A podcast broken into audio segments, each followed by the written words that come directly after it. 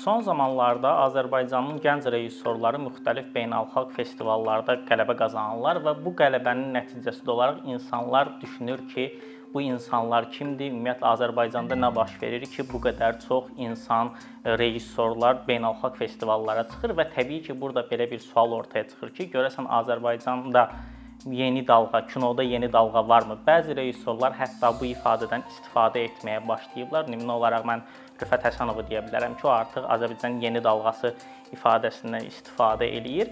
Mən də bu mövzumuzda, bu bu buraxılışda çalışacağam aydınlaşdırım ki, Azərbaycanda yeni dalğa varmı?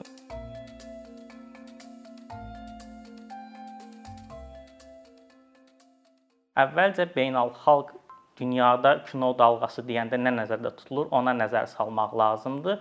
Dünyada kino dalğası əsasən müəyyən bir e, müəyyən bir ölkədə insanların müəyyən yaradıcı insanların özündən əvvəlki nəsli, özündən əvvəlki və ya hazırda mövcud olan əsas olan axını inkar edib yeni estetik dəyərlər, yeni fikirlər, yeni məzmunlar, yeni ictimai fikirlər ortaya atması ilə yaranır. Bu bu cür yeni dalğa nümunələri olaraq ən məşhuru yəqin ki, fransız yeni dalğasıdır. Fransız yeni dalğasının ortaya çıxma səbəbi o dalğaya daxil olan insanların kino tənqidlə məşğul olması, daha sonra isə kino tənqiddə gördüklərini, səhv olaraq gördüklərini insanlara çatdırmaq və bunun üçün də filmlər çəkməyə başlamasıdır. Fransız yeni dalğasından sonra artıq 60-cı illərdən etibarən bütün dünyada bu yeni dalğalar yaranmağa başladı. Burada əsas fərqli cəhət burada həm məzmun baxımından, həm də estetik baxımından yeniliklər gətirirdilər. Adətən bu dalğaların ortaya çıxmaq səbəbi mövcud olan mainstream dediyimiz kino dilinin inkarı və yeni əvəzində yeni bir şeyin ortaya qoyulmasıdır. Məsələn, bizə yaxın nümunələrdən biri olan İran yeni dalğasına baxa bilərik ki, bu yeni dalğa 1960-cı illərin ortasında meydana gəlib. Həmin meydana gəlmənin əsas səbəbi də o idi ki, həmin dövrdə İranda çəkilən filmlərin əksərinin bir dəyəri yox idi, çox ucuz filmlər idi və bəzi intellektual şəxslər, yaradıcı şəxslər buna qarşı çıxdılar və beləliklə bu insanlar yeni fikirlər ortaya qoymağa başladılar. Təbii ki, bu İran yeni dalğasının belə bir xüsusiyyəti var ki, onlar çox qısa müddət ilk baxışda çox qısa müddətli kimi görünsə də günümüzə qədər gəlib çıxmağı bacarıblar. Bunun əsas səbəbi odur ki, burada ikinci, üçüncü nəsil, ikinci və üçüncü nəsil İran yeni dalğası da var ki, bu rejissorlar bütün beynəlxalq festivallarda təmsil olunurlar. Digər tərəfdən günümüzün ən populyar yeni dalğası Rumun yeni dalğasıdır. Rumun yeni dalğasının ortaya çıxma səbəbi bir növ e, Rumuniyada olan siyasi, ictimai vəziyyətdir. Belə ki, orada kommunist rejim dağıldıqdan sonra orada ortaya çıxan rejissorlar keçid dövrünün bir növ insanları kommunist rejimin insanlara vurduğu zərər və ya insanların həmin bu keçid dövründə yaşadıkları problemləri bəzən satirik dildə, bəzən isə e, daha çox drama yönələrək ifadə etməyə başladılar və 2004-cü, 2005-ci ildən günümüzə qədər bu rejissorlar bütün böyük festivallarda qələbələr qazandı və hələ də insanlar tərəfindən e, maraqla qarşılanırlar. Həmin filmlərin əsas xüsusiyyətləri budur ki, bu filmlərdə adətən biz realist mövzular görürük və daha çox hadisələrə minimalist yanaşmadan istifadə eləyirlər. İndi isə Azərbaycana gəlsək, bu bu Azərbaycan yeni dalğası məsələsinin niyə aktuallaşdığını vurğulasaq, bunu görərik ki, bizdə artıq 2013-cü ildən etibarən dünyanın nüfuzlu beynəlxalq film festivallarında gənc rejissorlarımız E, qələbələr qazanır və ya həmin o festivalların əsas yarışmasına dəvət olunur. Locarnoya dəvət ediliblər, Venesiyaya dəvət ediliblər, Amsterdam, Rotterdam Film Festivalı, Amsterdam Film Festivalı və s. və ilaxır. Bu siyahını çox uzatmaq olar.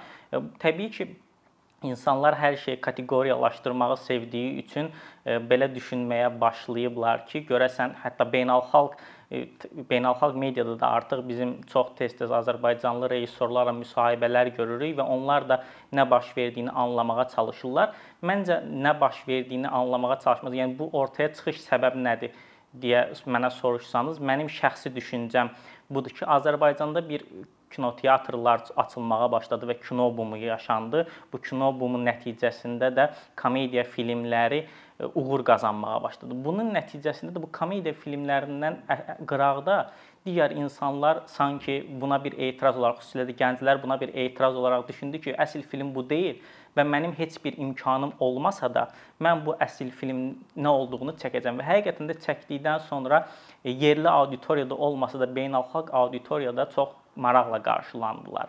Təbii ki, bu rejissorların, yəni bu Azərbaycan yeni dalğası varsa, bu rejissorların ortaq cəhəti nədir? Yəni bunları birləşdirən nədir deyə soruşsanız, mənim cavabım bu olar ki, bu insanlar keçid dövrünün uşaqlarıdır. Yəni 80-ci illərin ortasından ortasından götürə bilərik ki, təxminən onlar hamısı yaşıddılar, eyni nəslə aiddirlər və keçid dövrünün problemlərini görüblər və onların böyümə məsələsi də məhz dediyim bu 2013-cü ildən başlayan Azərbaycanda kino bumu ilə əlaqəlidir. Bundan Əlavə burada əsas məsələ bu kino dilinin təbii ki, mən vurğuladım ki, kino dalğalarında müəyyən estetik qayğılar da olur. Bu estetik qayğılar hələ konkret xətlərlə Azərbaycan kinosunda, yeni kinosunda müəyyən edilməyib, amma bəzi cəhətlər var ki, onları vurğulasaq çox faydalı olar. Həmin faydalı həmin məqamlardan biri budur ki, bu çəkilən reis filmlərin əksəriyyəti müstəqil filmlərdir. Yəni bu rejissorlar çox kiçik büdcə ilə və ya çox az büdcə ilə həmin filmləri çəkirlər, həmin filmləri göndərirlər və uğur da qazana bilirlər. Bundan əlavə mövzu baxımından da çox maraqlıdır ki, indiyə qədər Azərbaycan filmlərində göstərilməyəni göstərməyə çalışırlar. Yəni Azərbaycanın digər üzünə, Azərbaycanın məsələn tanıdılmağa çalışılan, dövlət tərəfindən aparılan bir e, siyasəti var ki, orada Azərbaycan işıqlı, bəzən çox belə hər şeyi çox yaxşı göstərməyə çalışırlar. Amma digər tərəfi, yəni burada olan insanların müxtəlifliyi, multikulturalizm o qədər də bəzən yaxşı göstərilə bilmir. Amma bizim bu yeni nəsil filmlərdə biz həqiqətən də yeni anlayış, insanlara yeni bir baxış bucağı görürük və bu istər-istəməz beynəlxalq auditoriyanın da diqqətini çəkir. Bu filmlərin e, əsas e, uğur, uğurlu tərəfi məncə budur ki, həmin insanların çəkdiyi filmlərə müdaxilə olmur. Onlar özləri filmlərini çəkirlər də dövlət tərəfindən heç bir maliyyələşdirmə olmadığına görə özlərini tam azad şəkildə ifadə edə bilirlər. Bu özlərini tam azad şəkildə ifadə etdiklərinə görə də məhz uğur qazanırlar. Təbii ki, burada bu filmlərin problemləri də var. Bu filmlərin müəyyən insanlarla kommunikasiya baxımından problemləri də var. Onlardan məsələn biri budur ki, bu rejissorların əksəriyyətini Azərbaycanda yerli auditoriya tanımır. Həmin filmləri izləməyiblər. Həmin şeylərdən xəbərləri yoxdur. Təbii ki, burada rejissorların düşən, payına düşən tərəf də var ki, rejissorlar bəziləri heç özləri də maraqlı deyil ki, yerli auditoriya onları tanısın və ya tanımasın. Çünki bu insanlar sənətçi insanlardır və düşünürlər ki, mənim yaratdığım iş onsuz da yaxşıdırsa, onsuz da maraqlıdırsa, kimə maraqlıdırsa həqiqətən də bunu tapıb izləyəcək. Amma digər tərəfi var ki, bəzi insanların sadəcə ad olaraq tanıyırlar, amma marağı yoxdur və ya vaxtı yoxdur ki, gedib araşdırsın. Məs həmin rejissorlar buna çalışmalıdır ki, yerli auditoriyada onları tanısın. Digər tərəfdən isə problem odur ki, Azərbaycanda e, nüfuzlu bir yerli film festivalı yoxdur ki, həmin film festivalı daxilində bu filmlər nümayiş olunsun. Digər tərəfdən kinoteatrlar onsuz da indi pandemiyaya görə bağlıdır, amma pandemiya olmayanda da e, izlənmə sayı çox az olduğuna görə, dövlət tərəfindən hansı hər hansısa bir subsidiya ayrılmadığına görə bu filmlər kinoteatrlarda çox qala bilmir. E, yerli tamaşaçı bundan e, xəbər tuta bilmir. Təbii ki, burada qarşılıqlı bir iş olmalıdır ki, qarşılıqlı bir münasibət olmalıdır ki, inkişaf getsin və yerli auditoriyada bu filmləri tanısın. Yerli auditoriyanın bu filmləri tanımağı ona görə vacibdir ki, bəlkə də zamanla insanlar həmin filmlərdə özlərini görməyə başlayacaqlar. Nəinki hansısa bir dövlət kanalında görən Azərbaycandan daha çox özlərinə yaxın məqamları görə biləcəklər. Digər tərəfdən ümumi olaraq yekunlaşdırsaq mən bunu deyə bilərəm ki, Azərbaycan yeni dalğası var, artıq formalaşır, amma Burada əsas bir qorxu var. Bu qorxu nədən ibarətdir? Gənc rejissorlar uğur qazandıqca, onların E, filmləri daha çox şöhrətə çatdıqca dövlət tərəfindən də təbii ki, daha yaxşı texnikalardan istifadə edərək dövlət tərəfindən onlara maliyyə də ayrılır ki, siz bu filmləri çəkin. Amma burada dövlətin maliyyə ayırdıqdan sonra insanlardan istəyi və tələbi olur ki, bu istəyin əsas məqamı odur ki, onlar məzmuna müdaxilə etməyə çalışırlar, müəyyən məndə senzura uygulamağa çalışırlar. Rejissorlar da bundan qorxur, çəkinirlər. Halbuki dövlət burada insanlara, həmin rejissorlara texnikanı tə, tam təmin eləsə və versə ki, bu texnikanı ki, gedin, çəkin istədiyinizi, burada çox böyük uğurlar qazana bilərik. Çünki həqiqətən də bizim filmlərin, həmin filmlər çox kiçik büdcəli olduqları üçün texniki cəhətdən bəzi e, axsaqlıqları olduğu hiss olunur. Ona görə də əgər e, dövlətlə bu rejissorların münasibəti e, yaxşı bir şəkildə formalaşa bilsə və çox düzgün addımlar atılsa, şübhəsizdir ki, gələcəkdə daha böyük uğurlar da qazanılacaq.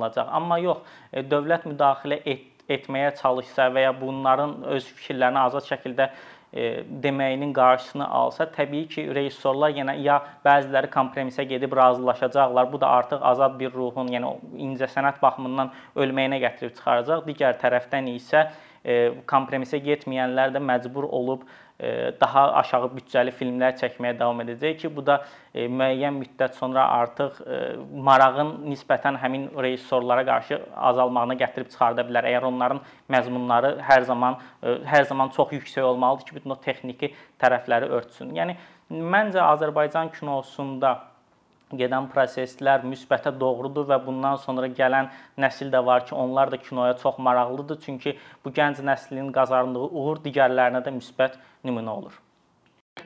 Əkinçinin yeni videoları haqqında məlumatlı olmaq üçün kanalımıza abunə olmağı və xəbərdarlıq funksiyasını aktivləşdirməyi unutmayın. İmkandan istifadə edərək cari patronlarımıza işlərimizi davam etməyə yardım olduqları üçün dərin təşəkkürümüzü bildiririk. Əkinçinin Patreon icmasının üzvü olaraq siz bizim təşəbbüsə dəstək göstərməklə bərabər hazırladığımız materialları hər kəsdən öncə izləmə imkanı əldə edəcəksiniz.